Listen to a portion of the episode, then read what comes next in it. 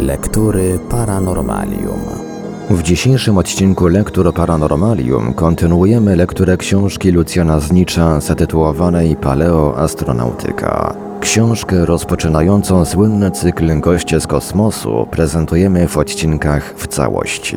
Zapraszamy do słuchania.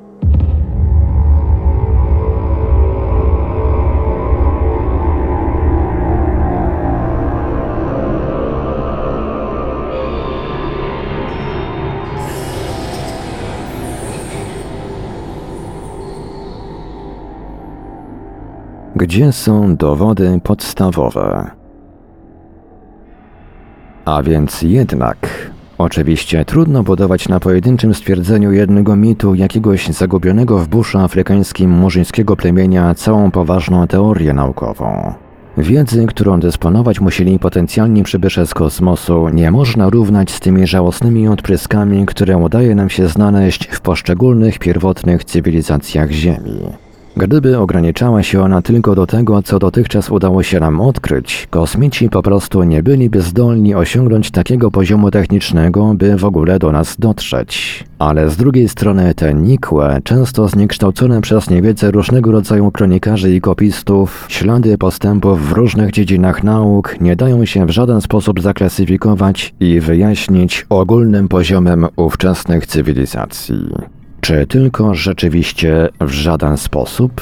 Nie dysponujemy wprawdzie żadnymi konkretnymi informacjami na temat jakiejkolwiek cywilizacji pozaziemskiej. Aby udowodnić jednak możliwość jej istnienia, wystarczy oprzeć się wyłącznie na prawach rozwoju cywilizacji ludzkiej. Słowa te wygłoszone zostały w maju 1976 roku na trzecim Międzynarodowym Kongresie Towarzystwa Antycznych Astronautów w Czrykwenicy, a autorem ich jest radziecki geolog i mineralog dr Awiński. I nie jest to wyrwane z kontekstu pojedyncze zdanie. Wśród kilku zatwierdzonych przez Akademię Nauk ZSRR referatów przesłanych przez radzieckich naukowców na ten kongres, cała praca Awińskiego pod tytułem Metodologia badań przejawów i działalności cywilizacji pozaziemskich na Ziemi poświęcona została przedstawieniu nieproporcjonalnie wysokich osiągnięć nauki dawnych kultur jako dowodów bezpośredniego wpływu kosmitów. Z dużą dozą prawdopodobieństwa można przypuszczać, głosi referat, że 8 lub 10 tysięcy lat temu mogło dojść do zetknięcia z jakąś wyższą cywilizacją. Można też sądzić, że w ciągu ostatnich 4-5 tysięcy lat doszło ponownie do zetknięcia z inną cywilizacją, tym razem mniej rozwiniętą. Prymitywizm środków technicznych owej drugiej cywilizacji przemawiałby za tym, że znajdowała się ona w początkowej fazie ewolucji technologicznej. Nasuwa to wniosek, że zasięg działania takiej cywilizacji musiał być stosunkowo niewielki, ograniczony do układu słonecznego. Mówimy oczywiście tylko o prawdopodobnym modelu wydarzeń. Nasze zainteresowanie budzi fakt, że obyczaje i religia starych narodów ściśle wiążą się ze zjawiskami w kosmosie, że spotykamy świadectwa istnienia nieprzeciętnie rozwiniętej cywilizacji, która pojawiła się nagle i była pozbawiona jakichkolwiek korzeni sięgających w przeszłość. Powszechnie sądzi się, iż dowodem paleokontaktu może być tylko jakieś kosmiczne cudo pozostawione na Ziemi przez cywilizację z innej planety. Takie mechaniczne pojmowanie kontaktu nie uwzględnia różnorodnych zjawisk pojawiających się na skutek wzajemnego oddziaływania złożonych, jakościowo różnych systemów. W istocie dla stwierdzenia takiego kontaktu wystarczy zastosować dwa podstawowe kryteria. Techniczne, idee, zjawiska i przedmioty stojące w sprzeczności z potencjalnymi możliwościami dawnych kultur, które umożliwi uchwycenie nieprawidłowych zjawisk niepasujących do historii naszej cywilizacji oraz geograficzne, Podobieństwa w odnalezionych zabytkach kultury materialnej różnych odległych i nie utrzymujących ze sobą kontaktu narodów które pozwala sądzić, że istniał jakiś jednolity, ogólnoświatowy prototyp. Przy tej metodzie badań rzeczą istotną jest wykrycie źródła nieprawidłowości i wyjaśnienie niezgodności między ograniczonym potencjałem technologicznym dawnych kultur a poziomem technicznym pozostałych po nich przedmiotów. Należy ściśle zanalizować i sklasyfikować różnego rodzaju przedstawienia i modele aparatów utożsamianych z samolotami, Podobizny paleokosmonautów, środki przekazu i inne zabytki kultury materialnej bowiem wszystkie te znalezione wśród wykopalisk świadectwa rozwiniętej technologii mogą okazać się materialnymi resztkami wiedzy, która przywędrowała do nas z zewnątrz. Koniec cytatu. Tyle Awiński. Kilkanaście ostatnich rozdziałów tej części książki poświęconych zostało właśnie zgodnie z postulatami Awińskiego przeglądowi takich nieprawidłowych idei, zjawisk i przedmiotów technicznych, niepasujących do ówczesnego poziomu rozwoju technicznego społeczeństw. Niestety w wielu wypadkach idee te okazały się do tego stopnia nieprawidłowe, że wolano je a priori uznać za mistyfikację, kierując wysiłki badawcze, które mogły wyświetlić rzeczywiste pochodzenie tych niezwykłych idei tylko na jakże trudne udowodnienie, że są to nie mające najmniejszego znaczenia dla naszej historii fałszerstwa. Ale powtarzam, to co stosunkowo łatwe jest do przeprowadzenia w odniesieniu do zagadkowych, nieznanego pochodzenia wykopalisk, staje się zupełnie niemożliwe wobec żyjącego do dziś plemienia dogonów. Plemienia z jednej strony bezspornie opóźnionego w rozwoju cywilizacyjnym w stosunku do nas o lat tysiące, a z drugiej strony dysponującego zagotowaną w swych mitach wiedzą często równoległą, a często, kto wie, czy nie wyprzedzającą naszą naukę również o tysiące lat. Marcel Griol i Germain Dieterle podają w swoich relacjach, że równie obszerną, a tajemniczą wiedzą jak w dziedzinie astronomii dogonowie dysponują także w dziedzinie biologii molekularnej czy fizyki atomowej. Wszystkie rzeczy, które stworzył Amma, mają swój początek w najmniejszym ziarnie po. Rozpoczynają oni na przykład swoisty wykład o atomowej budowie materii. Począwszy od tej najmniejszej, wszystkie rzeczy, które Amma stworzył, powstają przez kolejne dodawanie takich samych składników. W miarę jak Amma łączy je, rzecz staje się coraz większa. Mitologia dogonów jest tak obszerna, tylko w dziedzinie astronomii obejmuje ona na przykład aż 266 różnych gwiazdozbiorów, a równocześnie i tak zagmatwana, że nieprędko chyba uda się ją rozszyfrować do końca. Ponadto dla jej pełnego wyjaśnienia trzeba już nie tyle fachowców etnologów, wyłącznie którzy dotychczas się dogonami interesowali, ale specjalistów ze wszystkich niemal dziedzin współczesnej wiedzy ludzkiej, którzy wśród wielu trudnych nam do zrozumienia pojęć prymitywnej cywilizacji murzyńskiej potrafiliby wyłuskać odkryte już przez nas, a może nawet jeszcze nieodkryte tajemnice wszechświata. Niestety profesor Griol, który pierwszy spośród białych dostąpił zaszczytu wtajemniczenia czwartego stopnia przez dogonów, zmarł jeszcze w roku 1956. Kontynuatorka zaś jego badań, profesor Dieter Le, w swej ostatniej pracy, też zresztą z roku 1965, podkreśla, że nie tylko nie zna wszystkich dogońskich mitów słownych, ale ma ponadto do rozszyfrowania tysiące uzupełniających i wyjaśniających te mity znaków graficznych. Co gorsza, na postępy w tej dziedzinie ma nie tyle wpływ gorączkowa praca, co cierpliwe wyczekiwanie na zaufanie najwyżej wtajemniczonych dogonów. Gdy zaskoczeni ich niezwykłą wiedzą na temat potrójnego systemu Syriusza naukowcy francuscy spytali skąd do tego doszli, Dogonowie oświadczyli, że poszczególne gwiazdy Syriusza można zobaczyć, choć z powodu ich bliskiej odległości od Tolo nie zawsze to jest możliwe, z jakiejś jaskini. W jaskini tej ponadto mają się znajdować w wielkich ilościach dowody podstawowe. Niestety, mimo usilnych starań badaczy, dogonowie nie zdradzili dotychczas nikomu ani miejsca położenia jaskini, ani nawet tego, co się w nich pod nazwą dowody podstawowe kryje. Mimo to profesor Dieterle ma nadzieję nie wcześniej to później do jaskini tej dotrzeć i podstawowe dowody obejrzeć. Czy, jeśli wreszcie uda się zrealizować ten cel, odkryje tylko źródło niezrozumiałej wiedzy dogonów, czy też może wszystkich dawno już wymarłych, a dla nas coraz bardziej zagadkowych, zamierzchłych cywilizacji rozsianych po całym naszym globie.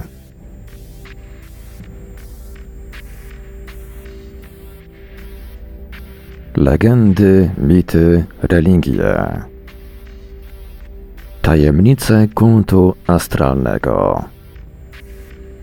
Trzeba przyznać, że komu jak komu, ale Ainom nie brakuje zarozumiałości narodowej. Chociaż kto wie, czy chodzi tu o zarozumiałość. Może ten jakże ciekawy, a szybko zbliżający się do całkowitego wyginięcia naród w ten sposób broni się tylko przed postępującą eksterminacją i wynarodowieniem.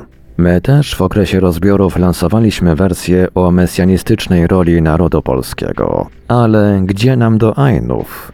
Oni twierdzą, że przybyli na wysuniętą najbardziej na północ japońską wyspę Hokkaido prosto z nieba. Trzeba zresztą lojalnie stwierdzić, że do dzisiaj pochodzenie Ainów nie jest ściśle wyjaśnione. Jedno jest pewne, nie mają oni nic wspólnego z Japończykami. Są wprawdzie, podobnie jak Japończycy, niskiego wzrostu i krępej budowy ciała, ale w odróżnieniu od nich mają białą skórę i obfity zarost. Ponadto mają bardzo ciekawy folklor, własny język, a ostatnio, jak słychać, pragną nawet odtworzyć własny krąg kulturalny. Cóż z tego, gdy w roku 1975 odwiedziłem dwa główne miasta Hokkaido, Otaru i Sapporo, gościnni Japończycy pokazali wszystko, co w nich było najbardziej ciekawego, nie wyłączając niezwykłej podziemnej dzielnicy handlowej, największego browaru piwa, a nawet skoczni olimpijskiej, na której Fortuna zdobył złoty medal. Tylko nie zetknąłem się z nielicznymi już żyjącymi gdzieś w głębi wyspy, a najciekawszymi dla mnie Ainami.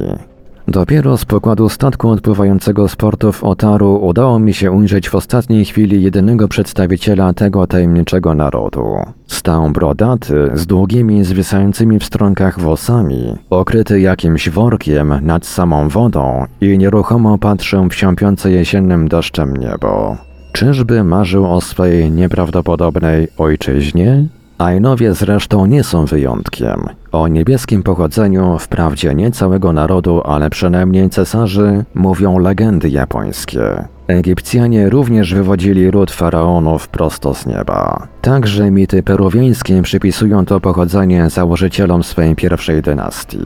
O pochodzących z nieba bogach, którzy chętnie wiązali się z córami ziemi, mówi m.in. bogata mitologia grecka. Legendy Majów twierdzą, że bogowie do nich schodzili z nieba po rozpiętej pajęczynie, zaś w bogatym panteonie babilońskim niebieskie pochodzenie bogów stało się dla nich cechą na tyle charakterystyczną, że w piśmie klinowym przy każdym imieniu dla oznaczenia, iż chodzi tu o Boga, wyciskano gwiazdkę. Każdy z bogów babilońskich miał zresztą podporządkowaną sobie inną planetę. Nabu dysponował Merkurym, Isztar Wenus, Nergal Marsem, zaś Marduk Jowiszem.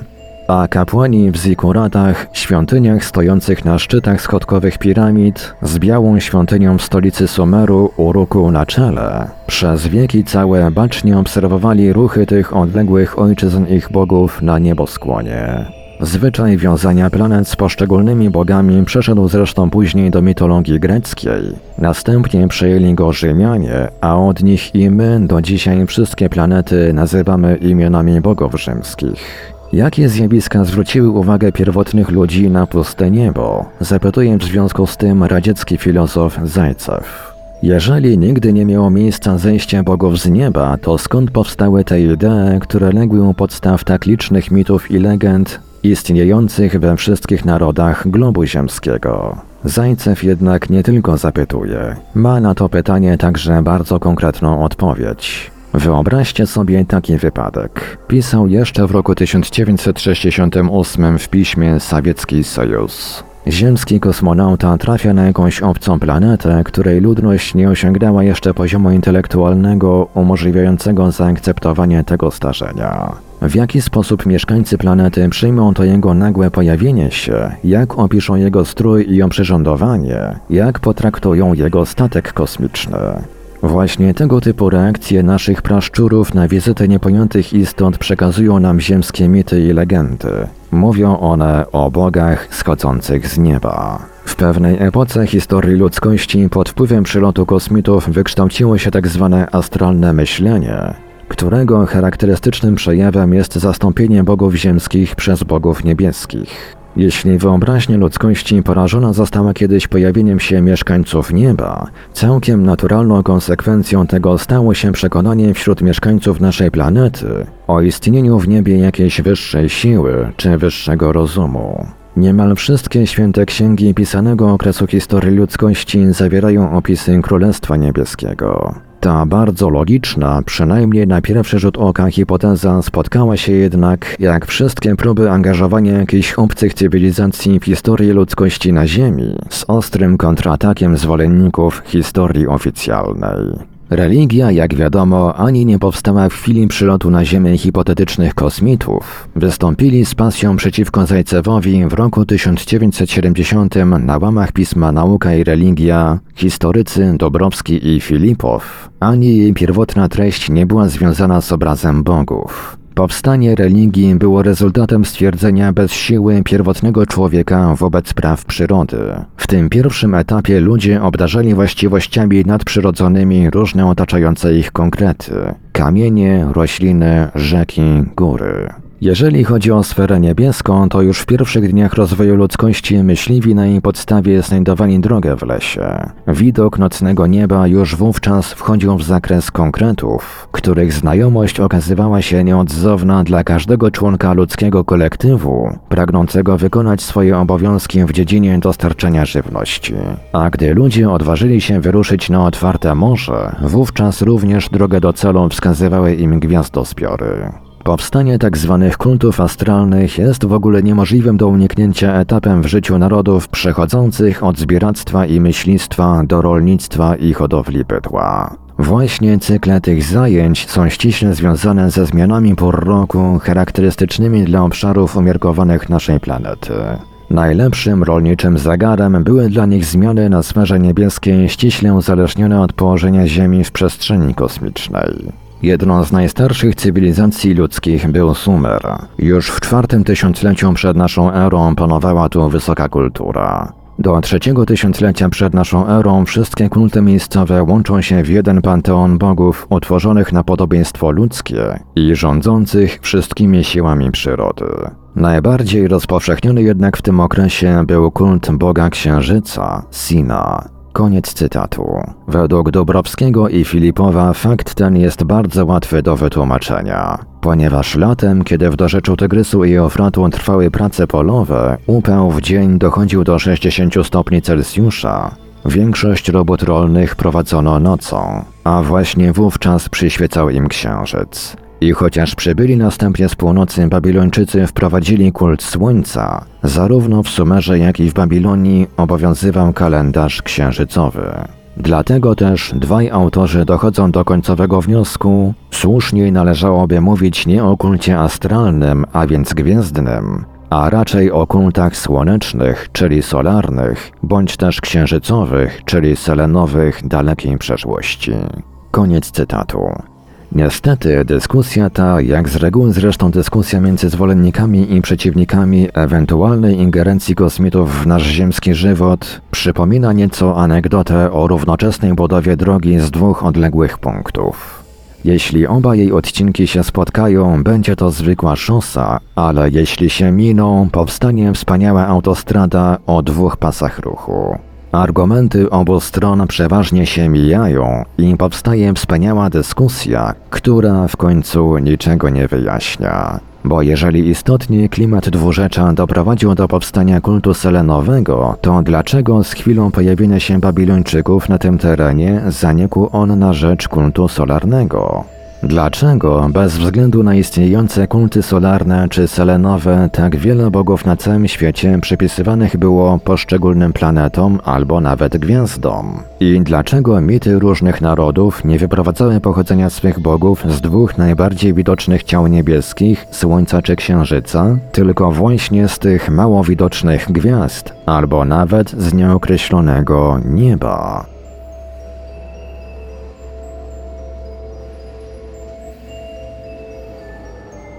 Od jaja do silnika plasmowego. Najbardziej chyba niezwykłe w tym względzie są mity peruwiańskie, które nie tylko, podobnie do Ainów, zakładają niebieskie pochodzenie ludzi, ale nawet szczegółowo relacjonują, że z początku z nieba spadały złote, srebrne i brązowe jaja, które dopiero później na ziemi otwierały się i wykluwali się z nich ludzie. Jaja w mitologii wszystkich niemal narodów świata to odrębny i zapewne niczym niezwiązany z kosmitami rozdział. Jedna to z pierwszych chyba obserwacji naszych praszczurów rodzenia się z martwego przedmiotu żywej istoty. Nic dziwnego więc, że zarówno w legendach Indonezji, jak i Skandynawii, Grecji czy Oceanii jajo występuje z reguły jako prapoczątek, z którego rodzi się stopniowo cały świat. W północno-zachodniej Afryce podczas zaślubin na pamiątkę stworzenia świata rozbija się jajko, a nawet w chrześcijaństwie Jan z Damaszku porównuje stworzony przez Boga świat do jaja, twierdząc, iż niebo to jego skorupka, chmury to błonka otaczająca białko, woda jest jak samo białko, zaś żółtko stanowi ziemię. Rzecz ciekawa, że podobne konstrukcje występują także w mitach australijskich, zaś w mitologii hinduskiej mówi się nawet o Bogu znajdującym się wewnątrz złoto-srebrnego jaja, które po rozbiciu z połówki srebrnej utworzyło ziemię, zaś ze złotej niebo. Co innego jednak powstanie z jaja całego świata, a co innego spadanie z nieba metalowych jaj na istniejącą już ziemię i wykluwanie się z nich poszczególnych ludzi. Kto uważa i ten mit za równie symboliczny i bajkowy, niech bodaj raz obejrzy film z jakiegokolwiek lądowania kosmonautów radzieckich na stepach Celinogradu. Zresztą nie ma potrzeby upierać się akurat przy micie peruwiańskim. Niemal we wszystkich częściach świata mity, podania i legendy o istotach przybyłych spoza Ziemi sypią się wprost jak peruwiańskie jaja z nieba. Starożytny bóg japoński Suzano poza swym mieszkaniem na Ziemi miał jeszcze drugie mieszkanie na Księżycu. Także pierwotni mieszkańcy Australii mieli swego boga Balu, który nagradzał ich deszczem a karą piorunami i który pochodził z Księżyca. Bóg Indian kolumbijskich, Mujsków, który pewnego dnia zjawił się wśród nich, by nauczyć ich uprawiać pola, nosić odzież i czcić bogów. Nazywany był przez nich Bochiką, sam się jednak nazywał Synem Słońca. Własnego Boga Słońca mieli zresztą także i starożytni Chińczycy. Podobnie jak Bochika przybył on na ziemię, by nauczyć jej mieszkańców uprawiać rolę i siać zboże, dzięki czemu zyskał sobie wdzięczność wśród ludzi i tytuł Shengnun, czyli Boga Rolnictwa. Bóg ten zresztą okazał się aż nadto ludzki. Pod koniec swego panowania zainteresował się do tego stopnia medycyną, że postanowił wszystkie zioła lecznicze rosnące w Chinach wypróbować na samym sobie. Finał był łatwy do przewidzenia. Bóg którymś z tych ziół śmiertelnie się zatruł i wyzionął ducha. Zresztą, jeśli chodzi o mity chińskie, prawdziwą rewelacją stał się opublikowany podczas trzeciego kongresu Towarzystwa Antycznych Astronautów w Czrikwenicy referat członka Akademii Nauk ZSRR profesora doktora Lisiewicza. Otóż według niego jedna z najstarszych chińskich legend dotyczy narodzin syna nieba, Huan Ti. Dziwne zaiste są to jednak narodziny. Wielka błyskawica opasała gwiazdę Ci w konstelacji Kongxia, Wielkiej Niedźwiedzicy. Mówi o tym dosłownie legenda chińska. Inna zresztą z legend twierdzi, że zarówno Huan Ti, jak i jego towarzysze przybyli na Ziemię z gwiazdozbioru Xiankan i po wykonaniu swego posłannictwa ponownie tam wrócili. O pojawieniu się poprzednika Huan Ti, Xiao Ho, legendy mówią, iż tęczowa gwiazda runęła na Ziemię lub według innej wersji ogromna gwiazda opuściła się na Wyspę Kwiatów. Podobnie zjawił się także Chuanxi, oślepiająco jasna gwiazda przecięła księżyc niczym błyskawica. Te legendy o dziwnych obiektach latających, pisze profesor Lisiewicz, można różnie tłumaczyć. Można je uważać za płód twórczej fantazji albo zbiór symboli. Powtarzają się one w różnych epokach, aż do czasów współczesnych, i być może popełniamy błąd, ograniczając się do takich tylko wyjaśnień. Chińskie teksty o pojawieniu się synów nieba często wspominają o gromach. Jeden z pierwszych synów nieba, Fusi, który nie miał poprzednika, zjawił się w rozkwitłym piorunie, a Huan Ti został przyniesiony przez gromowe substancje. Nie wiadomo, co to dokładnie ma znaczyć, ale być może chodzi tu o silnik plazmowy, uważany za napęd przyszłości.